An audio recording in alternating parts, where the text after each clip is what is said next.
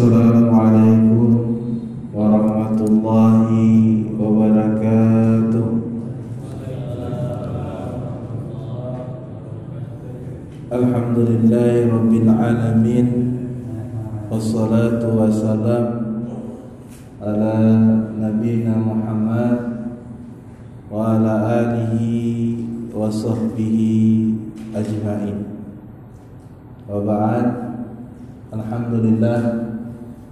Kita bersyukur kepada Allah subhanahu wa ta'ala Atas segala nikmat yang Allah Subhanahu wa taala berikan kepada kita.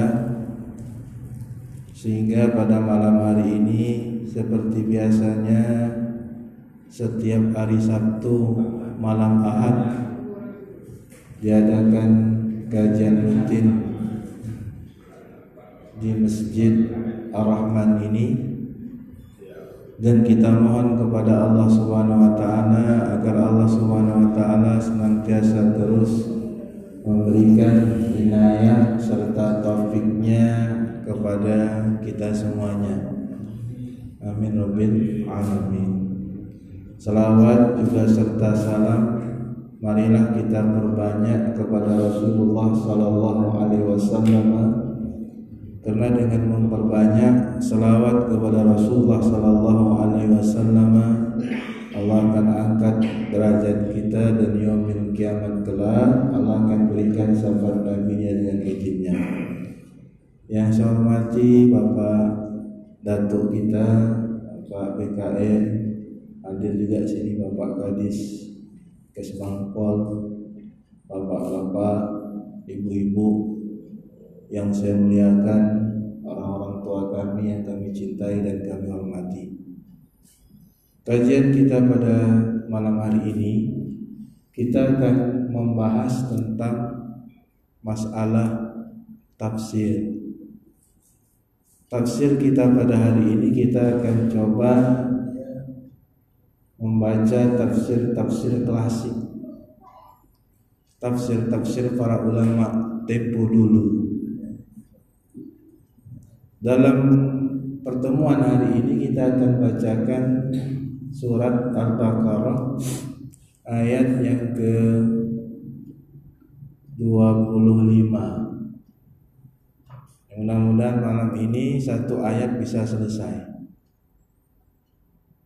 Jadi Allah Subhanahu wa taala Bapak Ibu sekalian itu turunkan Al-Qur'an itu bukan hanya untuk dibaca Al-Quran itu diturunkan untuk kita pelajari maknanya. Dan kita renungi. Kemudian kita amalkan dalam kehidupan kita sehari-hari. Itulah Al-Quran tadi diturunkan. Oleh karenanya malam hari ini upaya kita untuk memahami ayat Al-Quran tadi untuk kita pahami dan kita amalkan dalam kehidupan kita sehari-hari. Allah berfirman di dalam surah Al-Baqarah ayat yang ke-25 A'udzu billahi minasyaitonir rajim Bismillahirrahmanirrahim.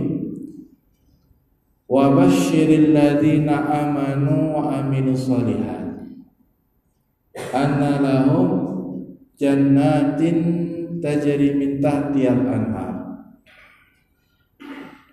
Kullama ruziku minha min samaratin rizqan qalu hadzal ladzi ruzikna min qabl. Wa utu bihi mutasyabiha wa lahum fiha azwajun mutahhara. Wa hum fiha khalidun jadi kata Allah Subhanahu wa taala dalam ayat ini tadi, wa basyiril ladzina aman. Ya Muhammad berikanlah kabar gembira kepada orang-orang yang beriman dan kepada orang-orang yang beramal saleh. Jadi orang yang beriman lagi beramal saleh. Apa kabar gembiranya? Kata Allah, "Anna lahum jannatin tajri min tahtihal anhar." Bahwasannya Allah berikan kepadanya surga yang mengalir di bawah surga-surga tadi sungai-sungai. Masya Allah. Ya. Jadi surga istana ya di bawahnya ada sungai-sungai. Kullama ruziku minha min samaratin rizqan. Tak kala Allah berikan rezeki kepada mereka setiap saat ada rezeki buah-buahan kepada mereka tadi. Mereka mengatakan inilah rezeki yang ya rezekna telah diberikan kepada yakni kami sebelumnya. Wa utubi mutasyabiha. Yakni Allah berikan ya mutasyabih. Namanya sama tapi rasanya berbeda.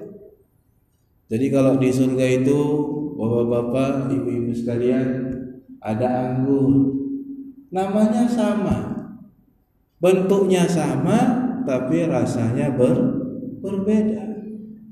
Di surga ada pisang, pisangnya sama tapi rasanya tidak sama.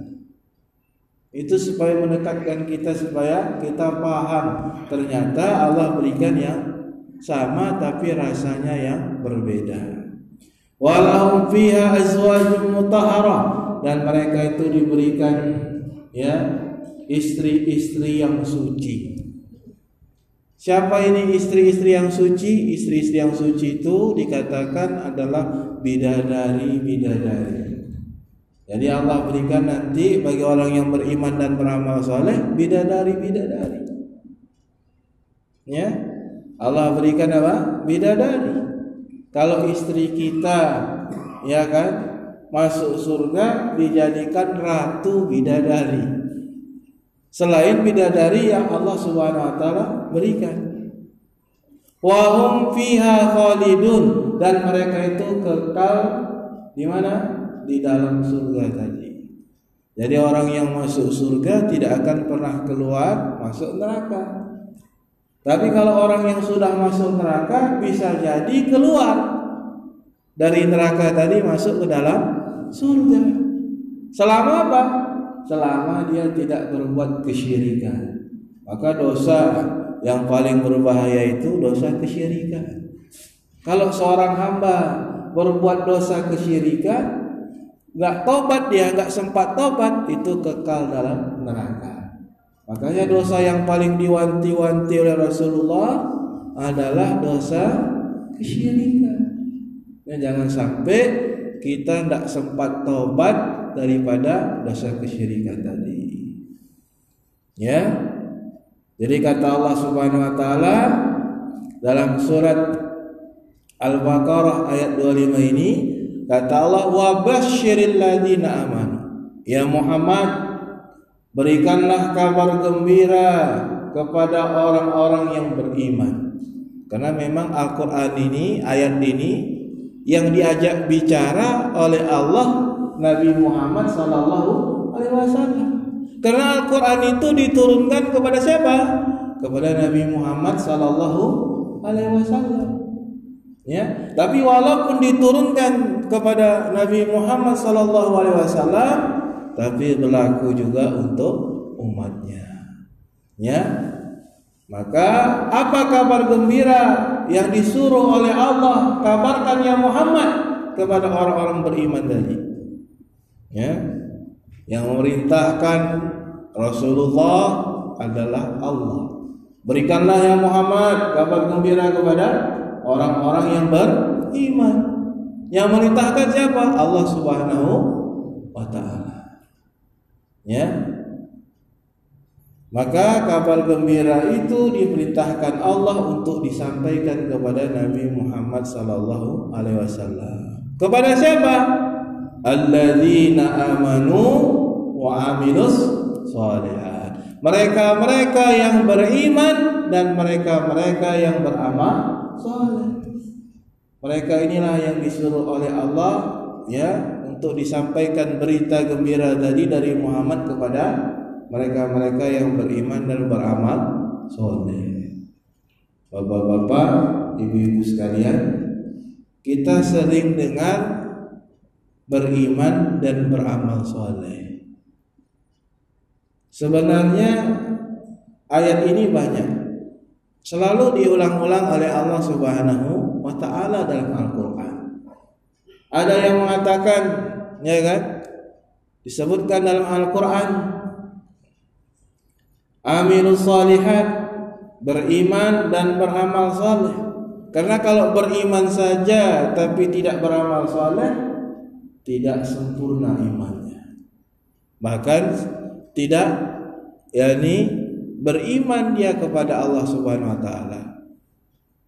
Makanya kalau ada orang yang mengatakan saya beriman kepada Allah, saya beriman kepada Rasulullah, saya percaya dengan hari kiamat, tapi tidak pernah beramal soleh, nggak pernah sholat, nggak pernah puasa, nggak pernah mau melaksanakan haji, maka imannya itu dusta. Maka Allah Subhanahu wa taala katakan wa minan nasi may yaqulu amanna billah wa yaumil akhir wa ma hum bimumin. Banyak di antara manusia itu yang mengatakan kami beriman kepada Allah, kami beriman kepada hari kiamat. Tapi kata Allah hakikatnya mereka ini tidak beriman. Kenapa Bapak-bapak? Mereka sudah mengatakan saya beriman kepada Allah, saya beriman kepada yaumil akhir. Tapi kata Allah kamu belum beriman. Kenapa? Karena tidak melakukan amal soleh. Karena tidak melakukan konsekuensi dari imannya kepada Allah Subhanahu wa taala. Banyak. Sekarang kalau dikatakan kau nggak beriman kepada Allah, marah. Bisa-bisa diparangi kita. Bertengkar pun mau. Ya, tapi kau nggak sholat, betul pak, saya nggak sholat. Tapi belum ada hidayah.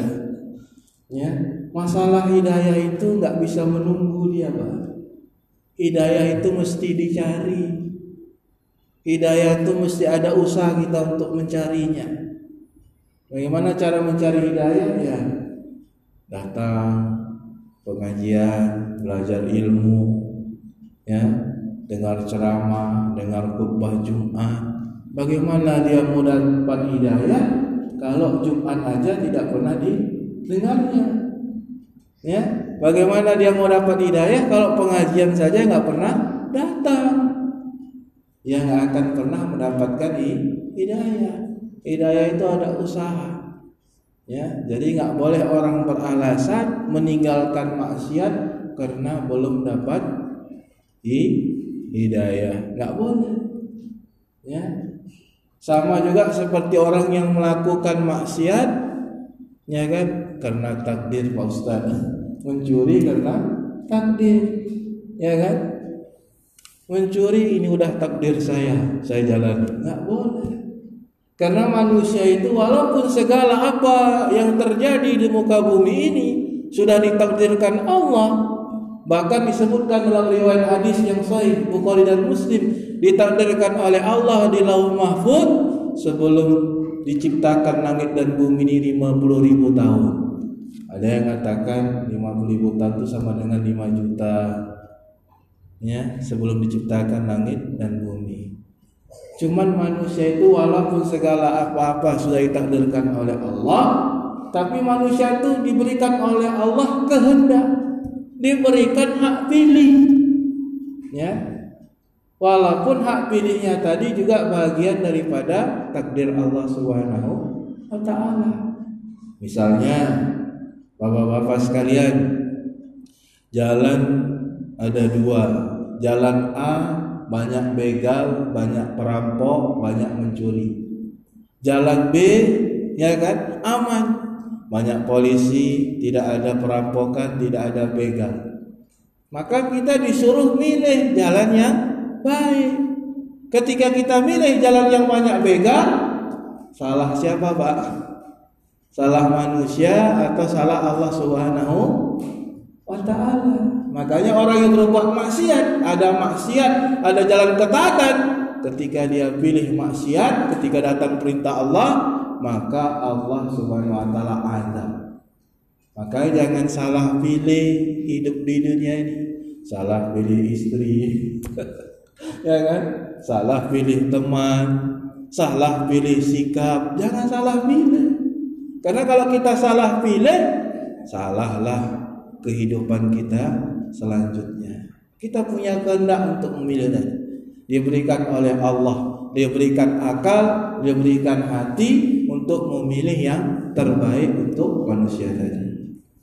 Maka Bapak sekalian, tidak boleh beralasan dengan takdir dan hidayah ketika seorang tadi berbuat maksiat. Maka siapakah orang yang beriman dan beramal saleh yang Allah suruh Rasulullah diberikan kabar gembira kepada mereka tadi yaitu berupa surga. Kata para ulama, ay jama'u baina istislamul batin wal imanu wa istislamu zahir wal amalu saleh. Mereka-mereka yang beriman dan beramal saleh ini dikatakan ahli tafsir mereka-mereka yang menggabungkan Islam batin, Islamnya batin, dan menggabungkan Islam zahir. Islam batin itu apa? Islam batin itu adalah iman. Iman dia gabungkan dengan Islam zahir. Islam zahir itu apa? Amal saleh. Maka kalau ada orang yang Islam batinnya saja tidak ada Islam zahirnya, dia tersesat. Banyak sekarang aliran kebatinan. Sholat cukup ingat. Aliran eling. Ah, ada cukup. Masya Allah iya pak kan? Ada nggak aliran itu? Ada. Jadi kalau ada azan berhenti mereka. Azan. Diam. Mengingat. Ah, ada cukup. Nggak usah sholat lagi ini aliran kebatinan kan? Islam batin. Islam itu bukan hanya batin saja, tapi juga perlu Islam zahir. Islam iman dan beramal soleh. Wa jama'u bainal ikhlasi fil qalbi. Ya, kemudian orang-orang yang beriman dan beramal soleh itu mereka menggabungkan keikhlasan dalam hatinya jadi amal solehnya ikhlas, artinya juga ikhlas. Makanya bapak-bapak, ya ibu-ibu sekalian, sholat ini ibadah apa pun itu kehidupan dunia kita sekarang pun itu kalau kita tidak murnikan untuk Allah itu hidup kita nggak enak kalau segala sesuatu kehidupan kita di dunia ini kita ingin mencari ridho manusia, ya ya, maka keriduan manusia tadi bapak-bapak sekalian tidak akan pernah kita cari secara sempurna, nggak akan bisa kita cari, pak. Kalau keridoan manusia yang kita cari, maka tidak akan pernah kita cari kita mesti mencari keridhaan Allah Subhanahu wa taala. Ya, barulah enak hidup kita tadi. Selama ini kita tidak demikian tidak akan pernah merasa bahagia karena hidup kita sibuk mencari keridhaan manusia bukan keridhaan Allah Subhanahu wa taala. Makanya disebutkan dalam surat Al-An'am ayat 100 berapa itu? 118 atau berapa itu? Inna salati wa nusuki wa mayaya wa mamati lillahi rabbil alamin. Sesungguhnya salatku, hidup dan matiku, sesembelihanku dan kurbanku semuanya aku serahkan untuk Allah Subhanahu wa taala. Maka diceritakan dalam sebuah kitab ada seorang ulama. Ini udah orang ulama ini udah baik. Terus dikritik ulama ini udah bagus. Tapi tetap dikritik. Maka anaknya datang kepada ayah. Wahai ayah bapak kan ayah udah bagus. Tapi kok terus ada orang kritik? Kata ayah kepada anaknya tadi besok kita pergi keliling daerah kita ini. Jadi ayahnya tadi membawa seekor keledai ini ada dalam kitab Tarsihah. Ya, membawa seekor keledai dan dituntun oleh ayah dan anak tadi. Begitu lewat bapak-bapak ke satu kampung, Kata orang kampung tadi, memang ayah anak sama dungunya. Masa ada keledai tidak mau ditunggangi. Datang ayahnya, kau dengar nak apa kata orang tadi? Dengar ayah. Kalau gitu ayah naik, ya kan? Engkau yang giring. Ayahnya naik keledai, anaknya giring. Begitu giring lagi, jumpa orang lagi. Orang tadi kritik terus. Memang ayahnya tega kali. Masa ayahnya naik, anaknya disuruh nuntun. Ya kan? Kata ayahnya tadi, kau dengar nak apa kata orang tadi? Dengar ayah. Kalau gitu kau yang naik, ayah yang nuntun. Akhirnya ayahnya pun nuntun lagi. Sampai satu kampung jumpa orang lagi. Ketika jumpa memang anak durhaka. Masa tega-teganya ya kan? Ayahnya disuruh capek-capek ya kan anaknya jadi raja. Kata ayahnya, kau dengar nak apa kata orang kampung tadi? Dengar ayah. Kalau gitu keledainya dua-dua kita naik. Ayah naik, kau naik. Naik orang nih. Ya kan? Baik, tek, tek, tek, tek. Begitu sampai keledai, sampai di tempat orang kampung, jumpa lagi. Memang ayah bapak sama aja. Tega lah. Dah keledainya kurus, dinaikkan berdua lagi. Ya kan? Akhirnya kata ayah, kau dengar nak? Apa kata orang kampung? Tinggal satu solusi lagi. Solusi semua udah habis. Diapa ibu? Diapa ibu? Solusi semua udah habis. Keledainya diangkat. Makanya bapak-bapak, ibu-ibu, kebijakan apa pun yang sudah baik pun pasti orang kritik. Tapi kalau kebijakan kita sudah bagus, sesuai dengan kitabullah, sunnah, perbuatan kita sudah baik, sudah bagus, nggak usah peduli. Selama perbuatan ini sudah benar. Betul nggak, bapak-bapak ibu-ibu? Karena kalau kita ikut cakap orang ya nasibnya sama seperti bapak dengan anak yang bawa keledai tadi. Makanya kalau kita ikut dalam kehidupan ini ikut cakap orang, bentar-bentar berubah kita, ya kan? Bentar-bentar berubah. Makanya yang kita cari itu ridho Allah Subhanahu wa taala. Kata Imam Syafi'i, Goyatu al goyatu la Puncak daripada apa? Kesenangan untuk menyenangkan manusia itu tidak akan bisa dicapai. Makanya selama perbuatan kita kita yakini baik sesuai dengan perintah Allah dan perintah Rasulnya, buat, tidak usah ikut cakap orang. Tapi kalau nggak baik, jangan berdalil dengan ini. Makanya bapak-bapak, ibu-ibu, kalau orang baik yang mencakapinya siapa? Orang jahat. Ya kan? Kalau orang jahat yang mencakapinya siapa? Orang ba baik. Ya lebih baik kita orang baik yang mencakapinya orang jahat daripada orang jahat yang mencakapinya orang baik. Itulah. Oh, pas sekali makanya kita perlu mencari keikhlasan. Makanya Islam batin itu Islam mengarahkan kita keikhlasan dan juga kita beramal soleh. Ya, kita gabungkan iman dan amal soleh. Kemudian kata Allah, apa kabar gembiranya? Jannatin tajri min tahtiyal anhar. Allah berikan surga. Surga itu Bu, Bapak-bapak sekalian, itu kalau diartikan surga itu adalah kebun-kebun. Yang namanya kebun itu ada pohon. Betul nggak? Pohonnya itu dikatakan dia dengan jannah. Itu dikatakan oleh ahli tafsir, dikatakan dengan dia jannah itu, surga itu dikatakan jannah karena apa yang berada di dalamnya itu yakni terlindungi, adem. Itulah dia. Karena banyaknya pohon-pohonan ya dan dan apa ranting-rantingnya tadi di kebun tadi orang yang berada di bawah di dalam kebun tadi benar-benar adem ya rindang istilahnya kalau kita di bawah pohon rindang, ya kan?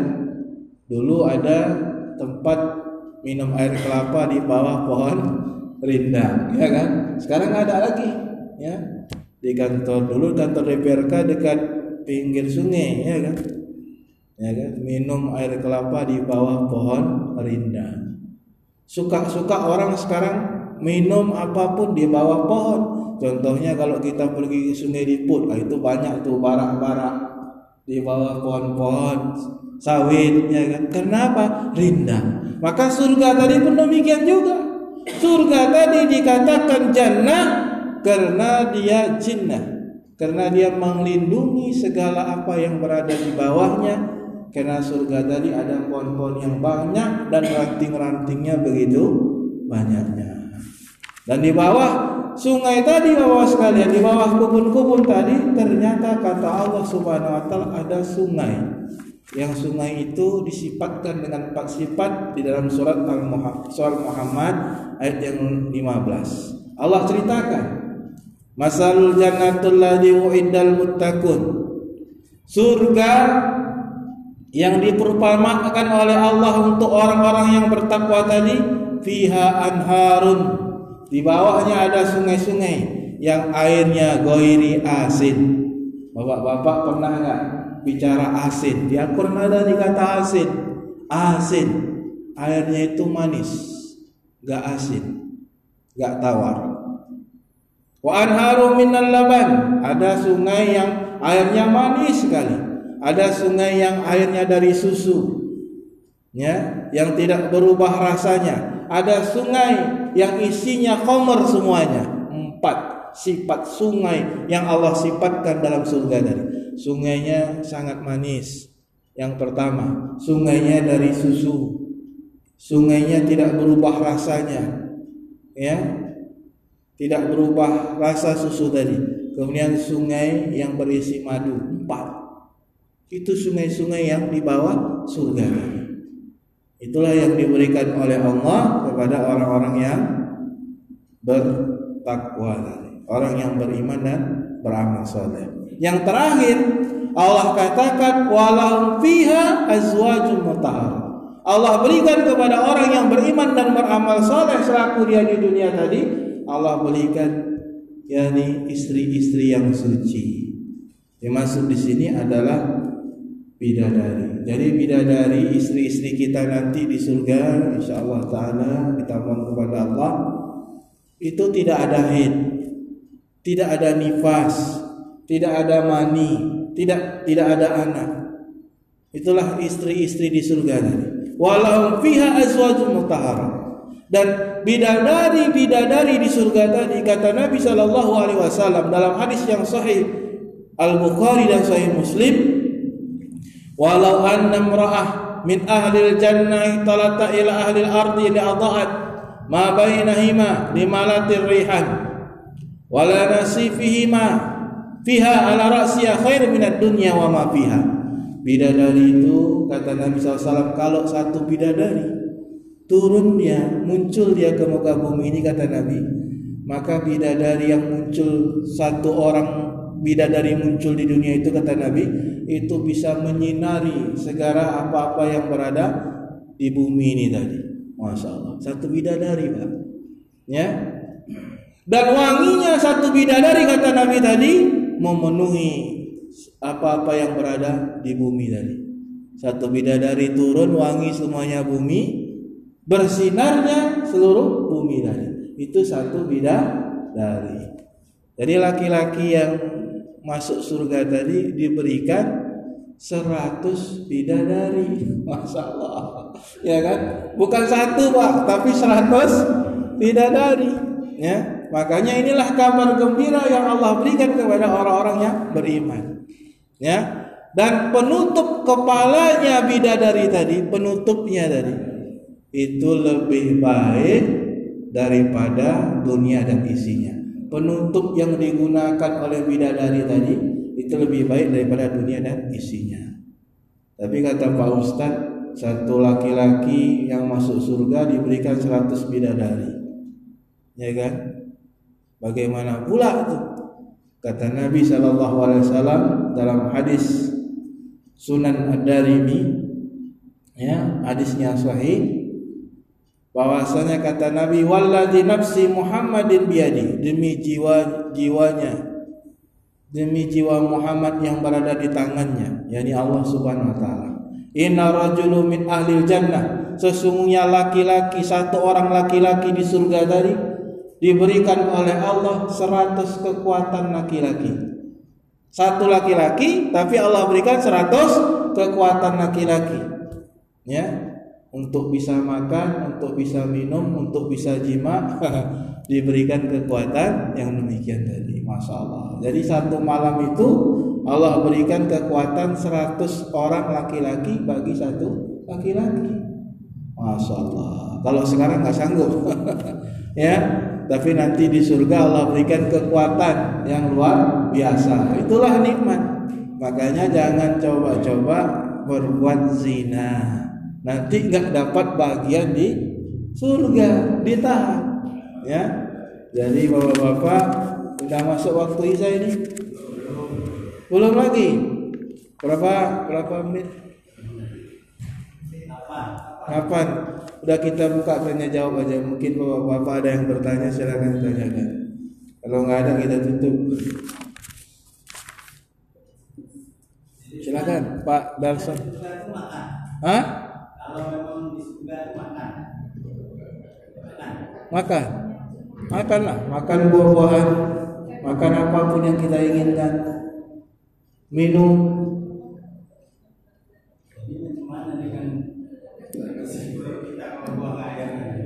tidak ada lagi yang buang air tadi tidak ada lagi nggak sama lagi seperti kita hidup di dunia tadi ya nggak ada kita buang air dan sebagainya ada lagi sudah Memang Allah berikan kelezatan.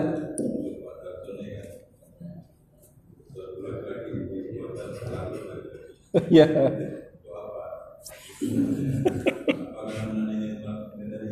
Ya, untuk mampu menjimai bidadari tadi. Jadi seratus kekuatan yang diberikan kepada laki-laki tadi untuk menandingi bidadari. Dan bidadari itu setiap kali dijimai uh, kembali lagi ke, ke perawanannya. Kita ulang lagi besok kembali lagi ke perawanannya. Jadi nggak ada berhenti dia. Ya, jadi luar biasa. Oleh karena jangan sampai kita tidak bahagian yang demikian tadi, maka sabar-sabarlah. Jadi kalau ada wanita yang menggoda kita, ingat bidadari di surga lebih lebih mantap. Ya begitu digauli perawan, besoknya perawan lagi. Nggak ada hilangnya.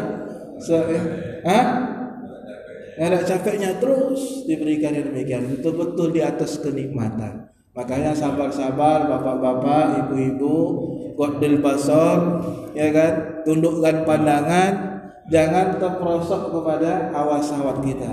Karena di surga itu lebih baik, ya. Oleh karenanya ibu-ibu sekalian, kalau bapak-bapak sekarang mau poligami, disilahkan saja. Karena nanti di surga pun istrinya lebih dari istrinya lebih dari berapa? Lebih dari 100, lebih dari 4 lagi. Makanya kalau ada suami-suami yang poligami sudah mampu dia silahkan. Kenapa? Mau tidak mau ibu nanti di surga pun dipoligami. lebih dari tadi. Betul nggak?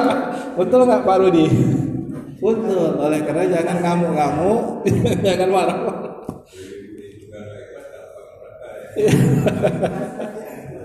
ya. Cuman bapak-bapak ibu-ibu cuma dilakukanlah di atas ilmu. Jangan poligami itu hanya sekedar semangat. Tidak punya ilmu, tidak punya kekuatan finansial, coba-coba. Banyak kejadian, hancur rumah tangga. Maka maka kata Allah ya, memang asalnya nikahlah tiga, dua dan empat. Ya, pain hitung kalau kalian takut dan tidak bisa berlaku adil, maka cukup satu, satu saja. Tidak usah banyak-banyak. cukup satu aja. Kalau kita nggak mampu dan tidak bisa berlaku adil, cukup satu saja. Saya pernah lihat di media sosial itu ada anggota dewan yang tiga istrinya. Pas dilantik tiga-tiga dibawa. Cuman pas dilantik tidur dia. Tidak sanggup ikut pelantikan. Jadi bapak-bapak sekalian ini saja saya sampaikan ya. Lebih dahulu saya mohon mudah-mudahan kita bisa berjumpa insya Allah di uh, minggu yang keempat ya. Mudah-mudahan surat Al-Baqarah ayat 25 ini menambah spirit kita, memotivasi kita untuk bisa beramal soleh, beriman dan beramal soleh, untuk kita istiqomah terus menjalankan perintah Allah, karena memang Allah berikan surga dan Allah berikan istri yang suci, yang tidak ada haid dan sebagainya. Yang kata Nabi tadi, kalau dia turun ke bumi, maka wangilah seluruh bumi tadi dan percayalah bumi tadi. Kalau 100 di keliling Anda, mana itu? Masya Allah, ya, luar biasa nggak bisa terbayangkan. Memang surga itu nggak akan bisa terbayangkan, Pak. Karena kata Nabi Shallallahu Alaihi Wasallam, ya, wala ainin ra'at, tidak pernah dinengok oleh mata, wala uzinat sumiyat, tidak pernah terdengar oleh telinga dan tidak pernah terdeteksi oleh hati. Jadi nggak bisa kita deteksi bidadari 100 kayak mana Pak Ustadz yang begini-begini, nggak bisa terdeteksi. Karena itu kehidupan di surga nanti. Subhanallah bihamdika asyhadu an la ilaha illa anta astaghfiruka wa atubu ilaik. Akhiru da'wana alhamdulillah alamin. Assalamualaikum warahmatullahi wabarakatuh. Waalaikumsalam.